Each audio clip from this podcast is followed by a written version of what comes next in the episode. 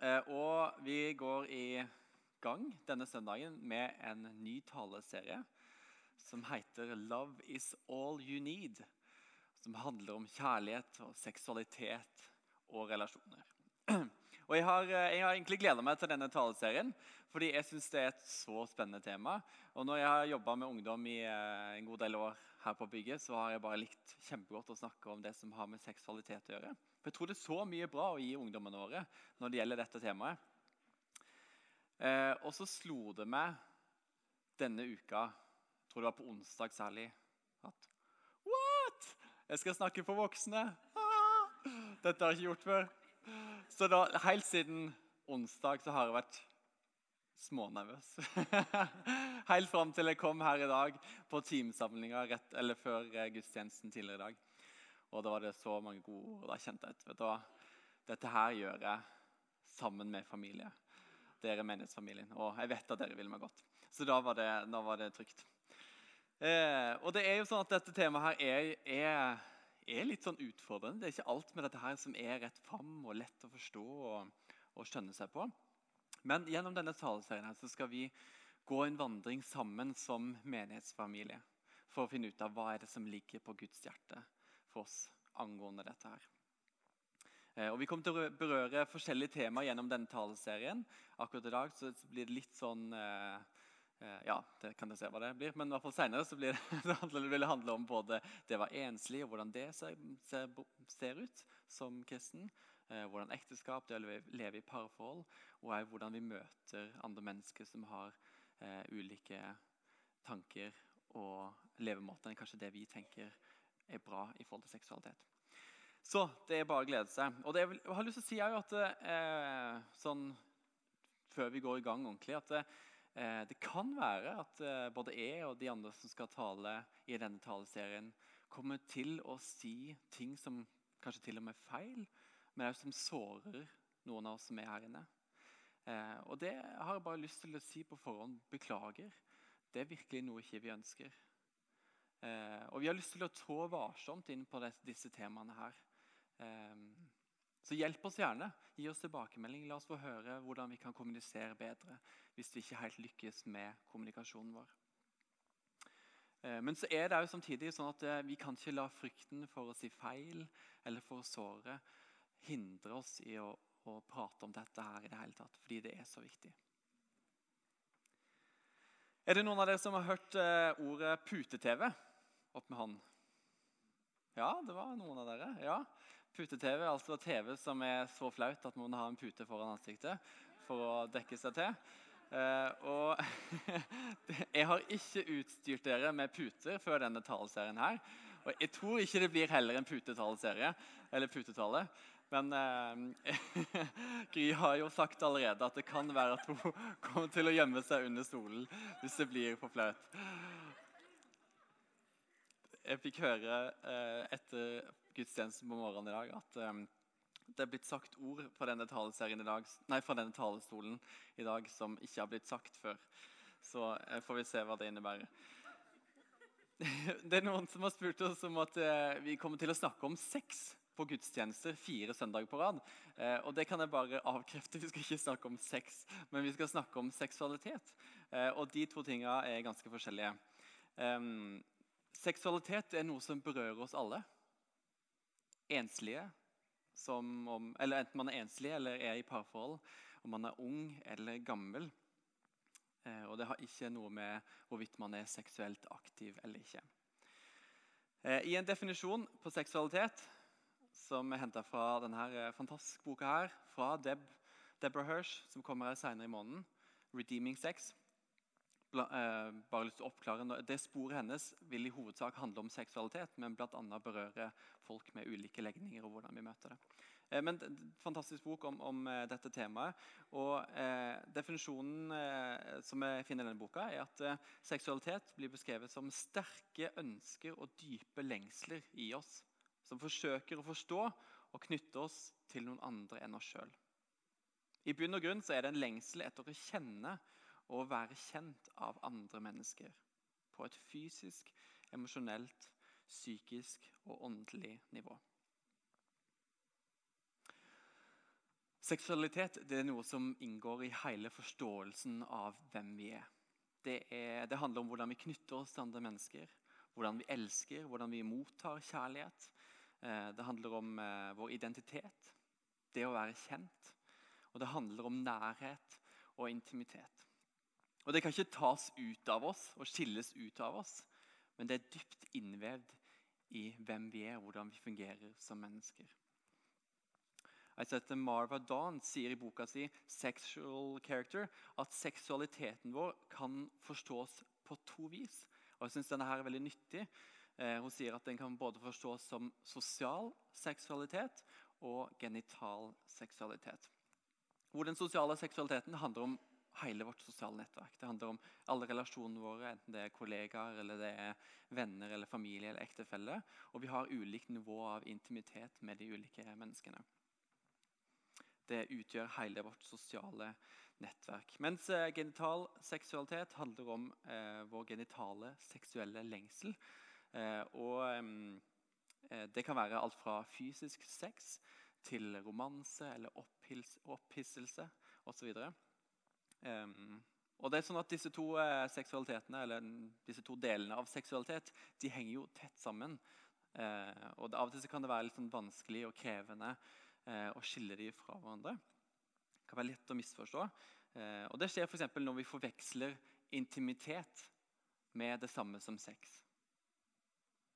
Ehm, det er eh, sånn at det å være seksuell aktiv ikke nødvendigvis dekker behovene våre for intimitet og nærhet. Og vi er jo som, som sagt alle, alle er seksuelle vesener, uavhengig om vi har erfaringer med sex eller ikke. Så når vi vil at vi skal eh, når vi vil at vi snakker om seksualitet i dag, så vil jeg at jeg skal ha disse her to bolkene, eller hva skal jeg kalle det, sidene av, av seksualitet i hodet. Høres det greit ut? Bra.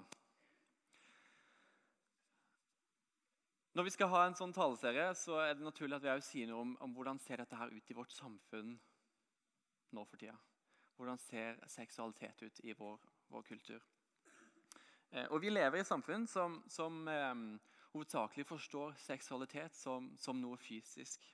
Eh, som den, den, genitale seksualiteten. Hvor det handler om orgasmer og fysisk nytelse og de tinga der. Det var for så vidt et av de ordene som ikke hadde blitt nevnt fra den talerstolen før. Men da sa jeg det. OK. ja, drop the mic. Ja. I løpet, av, I løpet av de siste 15-20 åra har det skjedd enorme endringer når det gjelder, når det gjelder synligheten som eh, dette har fått i samfunnet vårt. Det er nesten sånn at det er vanskelig å lese aviser eller å se på TV uten at, vi, at et, en eller annen form eh, blir eh, synlig et eller annet med eh, denne fysiske seksualiteten. Og Dette gjelder ikke bare i media, men òg i mellommenneskelige relasjoner, som ikke bare nødvendigvis handler om parforhold. Eh, I en undersøkelse for mennesker mellom 18 til 30 år, som var i fjor, så sier 59% av jentene at de har mottatt dickpics, altså penisbilder fra menn, hvor kun rett over halvparten av disse var i et romantisk forhold med avsenderen. Ganske mange. Og I en rapport fra Medietilsynet fra mars 2018 så kom det frem at 13% av unge mellom 13 og 18 år har delt nakenbilder av seg sjøl. Jeg blir ikke overraska om det tallet er høyere bare ett år senere. Og det er jenter i 14-årsalderen og gutter i 18-årsalderen som deler mest. Og Vi kunne snakke om, om flere utfordringer knytta til f.eks. hvor vanlig pornografi har blitt. Eh, til eh, det som har med datingapper, og hvor, hvor, mange av disse her brukes til å få tilfeldig og uforpliktende sex osv. Tingen er at det er dessverre alt for lett for oss å leite etter egentlig de riktige tingene. Som tilknytning, berøring, ønske om å være kjent, akseptert og elska. Og leite etter de på steder som egentlig ikke dekker de dypere behovene og lengslene i oss. Og det er tankevekkende at samtidig som vi er så eksponert for sex, så snakker vi òg om at ensomhet er vår tids største folkesykdom. Det gir egentlig grunn til å tro at eh, vi strever med å se det store bildet av hvem vi som mennesker er skapt til å være, og hva som bor dypt i oss. Når vi snakker om seksualitet i vårt samfunn, så har jeg jo behov for å si at eh, det er ikke sånn at samfunnet vårt heller er grenseløst. Samfunnet vårt er enige om at det, det, er, det skal være noen rammer. F.eks. Eh, rundt TV-serien Skam, som, som eh, var for, for, et par år siden, så, så, var dette med voldtekt veldig oppe. Og, den, og helt sånn tydelig at samfunnet vårt eh, mener at det er feil. Eh, og jeg altså, skal ikke lenger enn tilbake til metoo-bevegelsen, hvor det stadig dukker opp eh, nye varsler om uønska seksuell atferd som en del av et maktforhold. Eh, og Hvis du bare går to, to, dager tilbake i tid, når det var kvinnedagen Gratulerer, dere kvinner. Vi heier på dere. Eh, da var det sånn at tre 14-årige jenter de tok til orde fordi at de opplever at det er blitt vanlig å bli kalt sløtt, hore, fitte eller pulbar i skolegården. Men de opplever ikke å bli tatt på alvor av lærerne. Så skrev de et leseinnlegg, og så, um, så, ble det tatt opp i Stortinget som en del av Stortingets spørretime. Alle disse tingene her det bekrefter egentlig at ingen i samfunnet som mener at, eh, at utløpet for seksualiteten vår skal være totalt grenseløst. Enten det handler om eh, eh, pedofili eller voldtekt, metoo eller sexisme i skolegården. Spørsmålet er bare hvor er, det vi skal, det vi skal leite for å finne disse her gode rammene? Hvor er det vi finner gode grenser for seksualiteten vår? Vi er enige om at det skal finnes noen grenser, men hvor er det, hvor er det vi leter? Hvor er, hvor er, det vi finner det? I en bok som heter 'Alt min sønn bør vite om verden', fra Fredrik Backman by the way, altså, jeg skal ikke gi inntrykk av at det er veldig sånn lesehest, for det er ikke, men jeg har lest denne boka, og den handler rett og slett om tittelen. At uh, han skriver en bok om alt sønnen hans, han tenker at sønnen hans uh, bør vite. Og I et kapittel som heter hva du bør vite om Gud og flyplasser, så er det altså sånn at han står det, Du tenker bare eh, det henger ikke sammen, men du kommer til å forstå det. Um, og da er det sånn at Han er sammen med sønnen sin rett foran bagasjebåndet og snakke om det magiske med at det faktisk er noe som heter bagasjebånd. Og så snakker han om at eh, før eller siden så kommer vi alle til å få spørsmålet om eh, hvorfor finnes det krig i verden. Og nå skal jeg lese et lite utdrag og skal hoppe litt eh, noen forskjellige steder i dette kapitlet. Og jeg tenker meg at Hvis du stiller det spørsmålet til ti tilfeldige, utvalgte personer, så kommer i hvert fall halvparten av dem til å brøle. Mæ, alle kriger handler jo liksom om religion og sånn. Alle vet jo det. Og da tenker jeg at vi kanskje må snakke litt om Gud også. Og jo, jeg forstår at du kanskje synes at bagasjebåndet på flyplassen er et merkelig sted å snakke om Gud på. Men jeg vil at du skal legge merke til den gule streken på gulvet. Jeg føler meg faktisk aldri så åndelig som jeg gjør når jeg ser den streken. Og Så snakker han litt om, om, videre om, om, om, folk og sånne ting. Og så, eh, Her står det videre at eh, Gud skapte folk. Folk skapte en masse skrot. Og Gud bare 'Hva driver dere med?' Og folk bare 'Nei, ingenting'. Og Gud bare 'Men hvor skal dere hen med det der?' Og folk bare 'Ut, bare. Ikke bry deg.' Og Gud bare 'Men skal dere virkelig?' Det der ser ikke ut til å være en særlig god idé. Og folk bare 'Men Gud, altså. Ikke bland deg opp i dette.' Og Gud bare 'Nei, nei, greit.' Og så gikk folk ut i verden med skrotet sitt og så gikk alt dårlig. Og Da vendte folk seg straks til Gud og så kjempeopprørt ut og bare Mæ, hvorfor stoppa du oss ikke? Dette er din feil! Og så begynte folk å forbedre litt på skaperverket på egen hånd.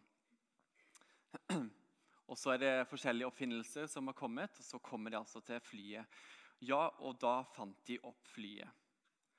Og da så Gud på dem, og i sin uendelige godhet for å hjelpe til, liksom, steg Gud ned til jorda og malte en gul strek én meter fra bagasjebåndet.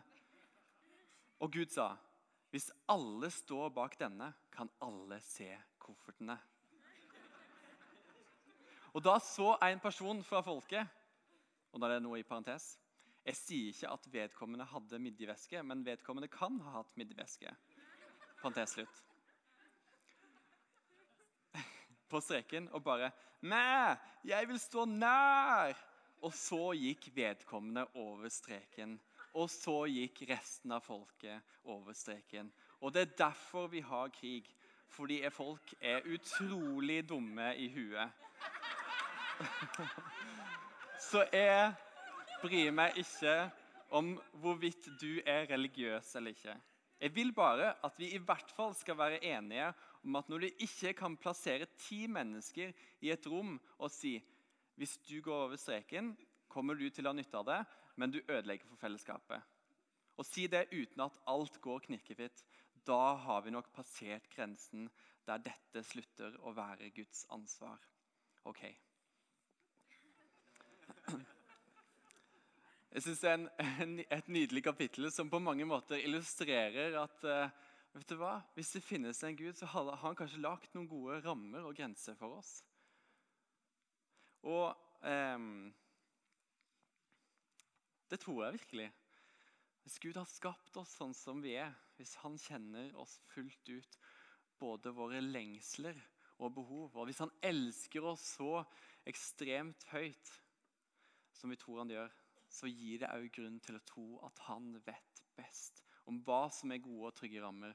Både for å utøve vår seksualitet, men òg for å se at våre behov og lengsler blir møtt. Hvem er bedre på å definere disse gode rammene enn Gud, skaperen sjøl? Og det er ikke sånn at eh, Vi snakker plutselig om seksualitet fordi det virker til å være hot i eh, kulturen. Men eh, seksualiteten det har jo et opphav. ikke sant? Det er Gud.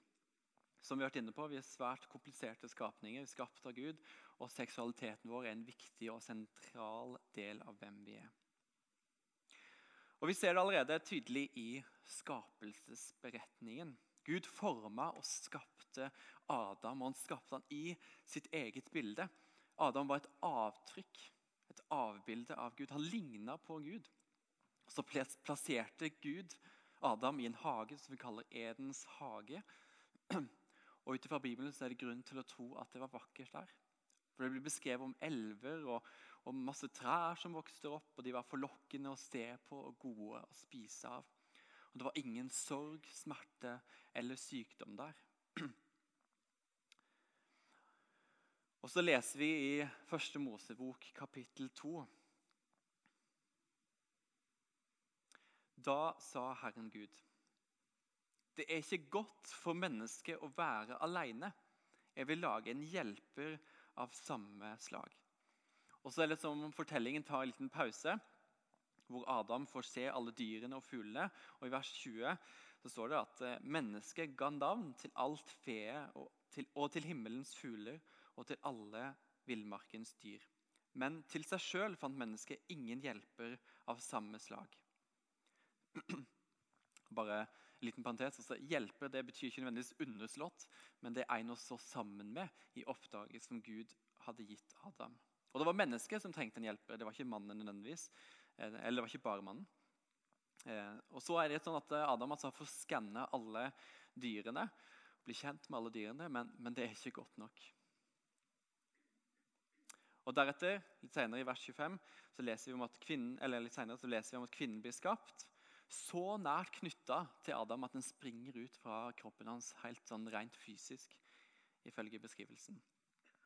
I vers 25 begge var nakne, både mannen og kvinnen, og de skamma seg ikke for hverandre.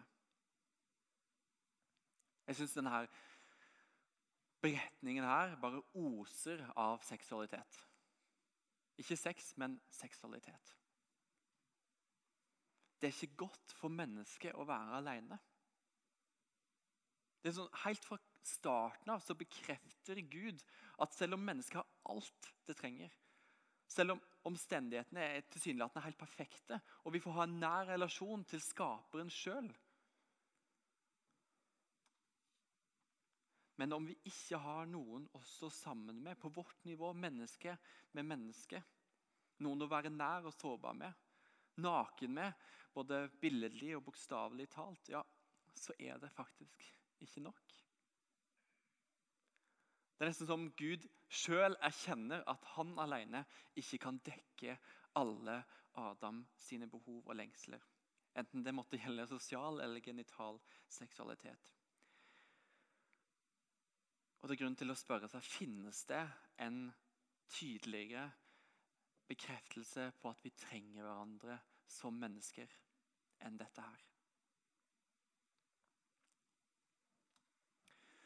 Ser vi litt eh, videre i Bibelen, går til Høysangen, som er en annen bok i Bibelen, eh, så kan vi lese om en eh, høylytt beskrivelse av lengsler mellom to mennesker.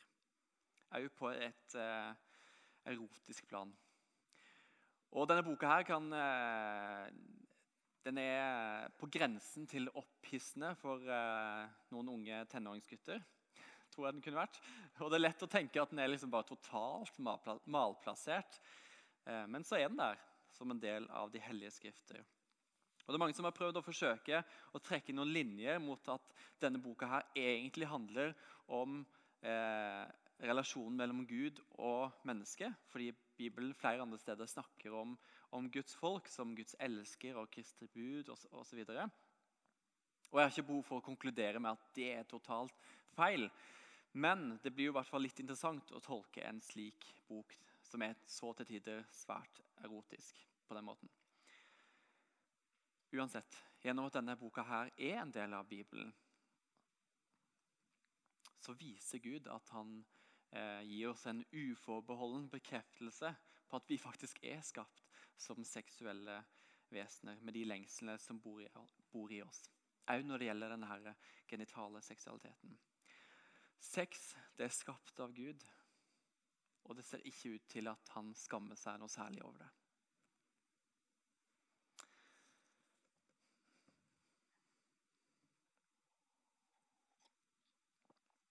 Og Hva med Jesus, da? Kan vi finne noe som har med seksualitet å gjøre når vi, når vi leser om Jesus og blir kjent med han? Som kristne så tror vi jo at Jesus var fullt ut menneske. Eh, noe som gir grunn til å tro at han òg hadde seksuelle lengsler og behov likt et menneske. Går vi til eh, Hebreerne 4, eh, vers 15, så står det noe om at eh, For vi har ikke en øverste prest, altså det er snakk om Jesus, som ikke kan lide med oss i vår svakhet, men en som er prøva i alt, på samme måte som vi, men uten synd. Det vil si, Jesus han har blitt prøvet og testa. Han har kjent på lengsler og fristelser osv. På lik måte som oss. Eh, men han har ikke feila på det. Og Vi ser også ellers i Jesu liv at han, han hadde jo tolv disipler, nære venner, som han, som han var, brukte masse tid med. Som han hadde behov for å bruke masse tid med. Og Ved spesielle anledninger så tok han bare med seg tre. Jakob, Johannes og Peter. Og I Markus, Markus 14 så står det noe om at Jesus var i Getsemane, den hagen han var i før han skulle gå til korset og dø på korset. Han visste det kom til å skje, han visste det lå foran han. Og så er det sånn at det står her, vers 33, så tok han med seg Peter, Jakob og Johannes. Han ble grepet av angst og gru, og han sa til dem.: Min sjel er tynga til døden av sorg. Bli her og våk. Det høres kanskje litt rart ut, fordi vi snakker om, stadig om at eh, folk hadde behov for å være nær Jesus. Men, men Jesus òg hadde behov for å være nær mennesker. Han hadde behov for mennesker. Han hadde behov for å både elske, men også å bli elska. Og ha andre mennesker nær seg. Og jeg synes Det er interessant at uh, i Matteus uh, 12 så, eh, tror det er flere andre steder i Bibelen, så gir eh, Jesus nesten et sånn nytt bilde av hva familie. For Det står i vers 48.: Men Jesus svarte det ham, Hvem er min mor, og hvem er mine søsken? Og Han rakte ut hånden mot disiplene sine og sa, Se, her er min mor og mine søsken. For den som gjør min himmelske fars vilje, er min bror og søster og mor. Jesus skaper familie rundt seg. Mennesker knytter seg til han, og han knytter seg til mennesker. og Det skal bli skapt familie rundt, og det handler ikke lenger kun om biologisk familie.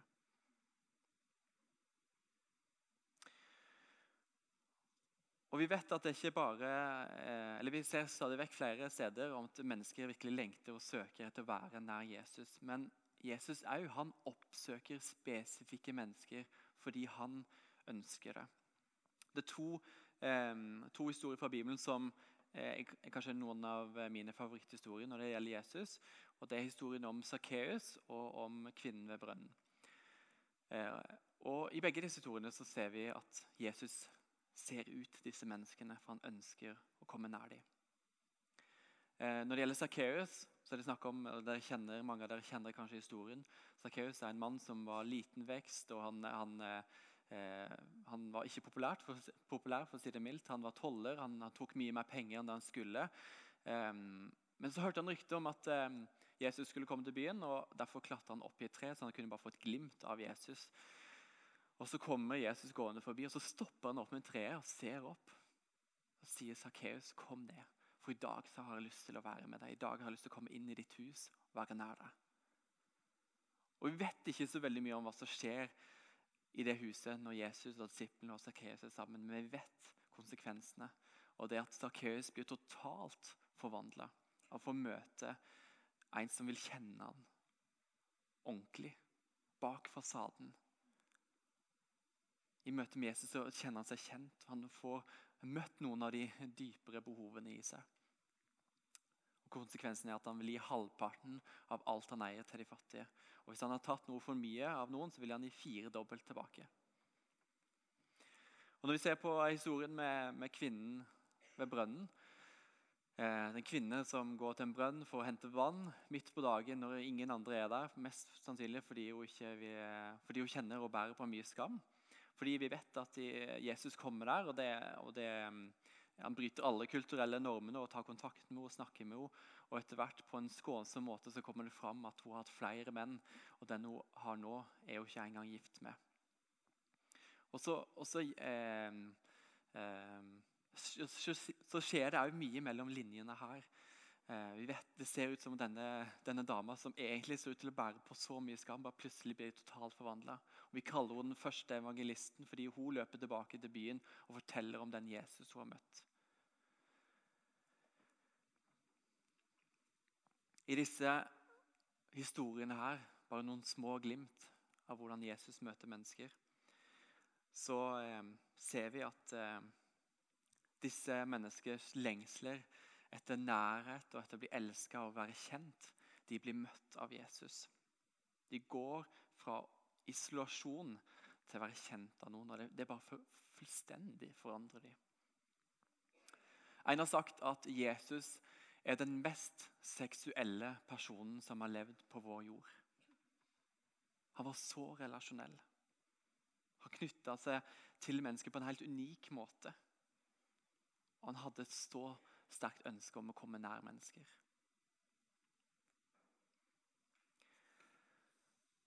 Så spørsmålet hva, hva har alt dette her å si for oss som er kristne i dag, og som lever som kristne? Hvis dette er noen glimt av hva Bibelen mener og sier og forteller oss om seksualitet, hva har dette her å si for oss? Kirka har i altfor mange tilfeller en historie på at vi snakker negativt om emner knytta til vår seksualitet. Og Det er mulig vi har vært redde og utrygge og usikre, og stemmen vår har derfor blitt anklagende og fordømmende. Men når vi ser på Bibelen og Jesu liv, så viser den egentlig at Gud ønsker å anerkjenne våre behov. Han kjenner oss, han vet at vi har de behovene. Og òg at han har skapt ordninger og fellesskap, sånn at vi kan få mange av disse her behovene og lengslene møtt. Enten vi er enslige eller en del av et parforhold.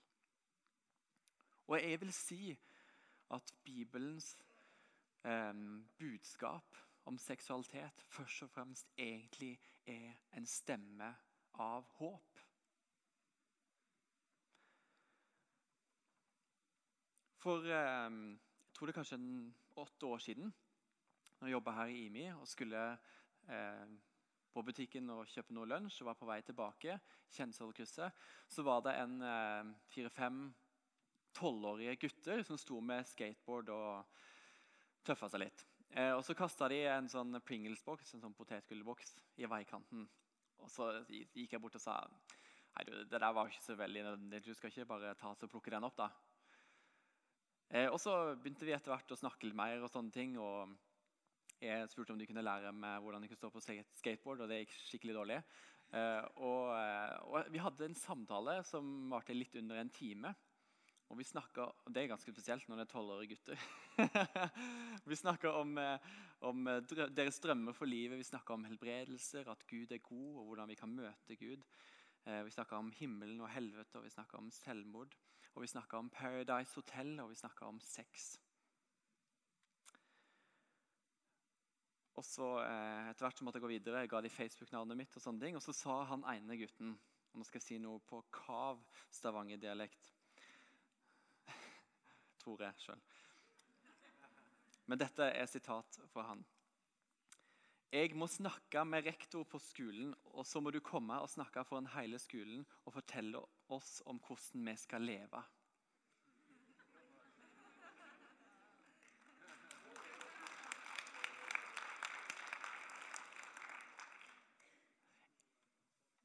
Gud har gode tanker for vår seksualitet og for, for våre lengsler.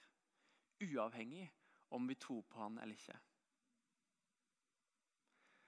En mann har sagt at eh, en mann som banker på døra til et, bordell, lengter egentlig etter Gud. Hvis det faktisk er sånn at seksualitet handler om våre lengsler etter nærhet og intimitet og tilknytning, tilknytning til hverandre, det å bli elska og det å være kjent, så har faktisk Gud og Kirken potensialet til å være den løsninga. Til å dekke mange av disse behovene. Love is all you need fra Gud og mennesker. Og alvoret er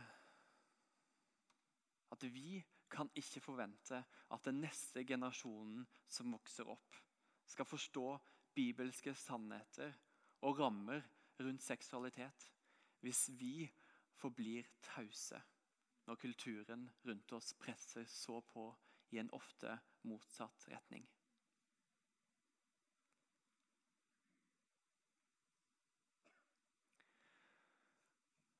Jeg drømmer om at kirkas stemme rundt dette temaet ikke lenger skal være prega av fordømmelse eller negativitet men at vi virkelig skal ha en stemme som er prega av håp.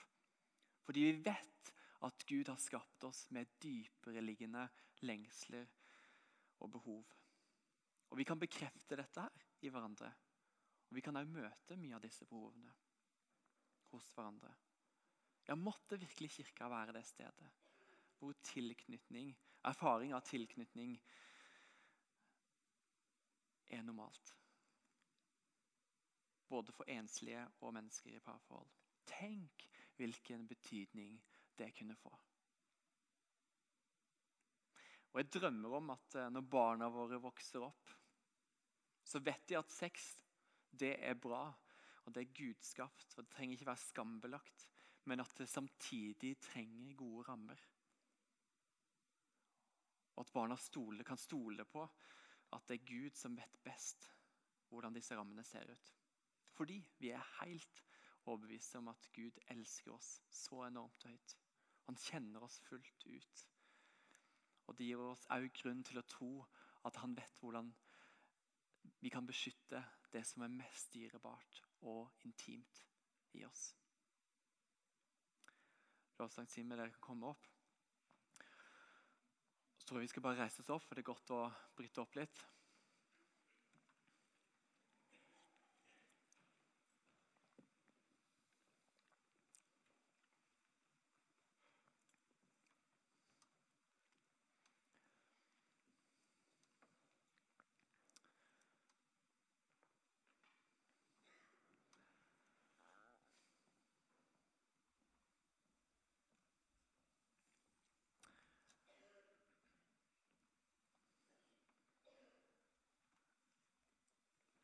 Vi har uh, snakka om um, mange forskjellige ting i dag knytta til seksualitet. Og kanskje du tenker at det er mange ting jeg savner med dette. her, men Det er et stort tema, og vi rekker ikke å, å komme over det eh, i én eller en tale eller hele taleserien for den saks skyld.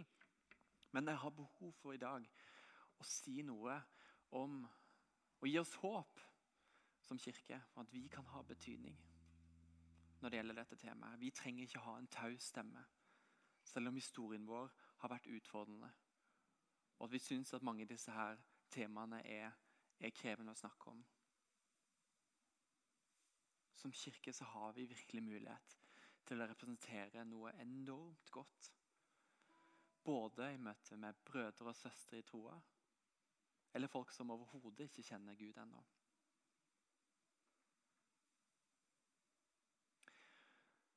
Kan bare spille litt i bakgrunnen. Jeg vet ikke helt, hvordan, eh, jeg vet ikke helt konkret hvordan dette her kan se ut. Um, det kan være mange forskjellige bilder. Jeg tror vi kan lære masse av andre her på hvordan dette her kan se ut. Men jeg tror i hvert fall at det handler om relasjoner som ligner familie. Hvor vi kan komme nær hverandre. Tørre å åpne oss opp, snakke om, om ting som er, ligger dypt i oss. Om lengslene vi måtte ha, behovene vi har. Og det er kanskje til å tørre å stille hverandre spørsmål om ting som um, Hva er det vi egentlig leiter etter? Og hvordan kan vi få dette her møtt?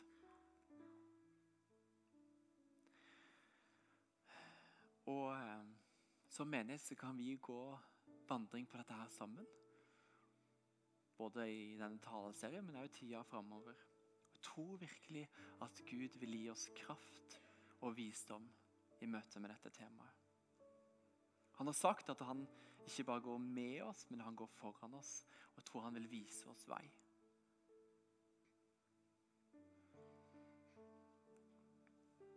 I Bibelen kan vi lese om, eh, om Ester som blir dronning. Og da står Det om, eller hun, hun blir, det blir sagt til henne at om det ikke er en tid som denne, om det ikke var for en tid som denne at du fikk dronningrang. Og jeg vil si kanskje om, om, om, det ikke var for en tid som denne at kirka måtte snakke godt og varmt og tydelig og nådefullt og sant om seksualitet. Jeg tror virkelig at samfunnet vårt trenger det. Og jeg tror egentlig at de er mottakelige for den sannheten som vi bærer på. Når Gud gir oss visdom. Og hvem vet? Kanskje hvis vi som kirke tar på alvor denne utfordringen, så kan vi forandre verden. Jeg takker deg, gode, gode far, for at du har så mye godt for oss. Og takk for at du har gått for både de som er Guds barn, og de som tror på deg, men du har òg gått for de som ikke ennå kjenner deg. Takk for at du er skaperen av alle ting. Du kjenner det skapte fullt ut. Og Du kjenner alle oss her inne som, og de som måtte høre på podkast. Du kjenner alle de eh, tinga vi måtte bære på når vi berører dette temaet. Enten det, det er sårbare ting, ting vi syns er krevende, om det er avhengighet eller hva det måtte være. Ulike lengsler vi måtte ha. Du kjenner alt dette her. Og du vil vise vei i møte med det.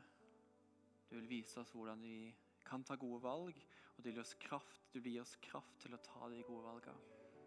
Takk for at ikke vi står alene, både i møte med du, Gud, men takk for at vi òg kan stå nær hverandre.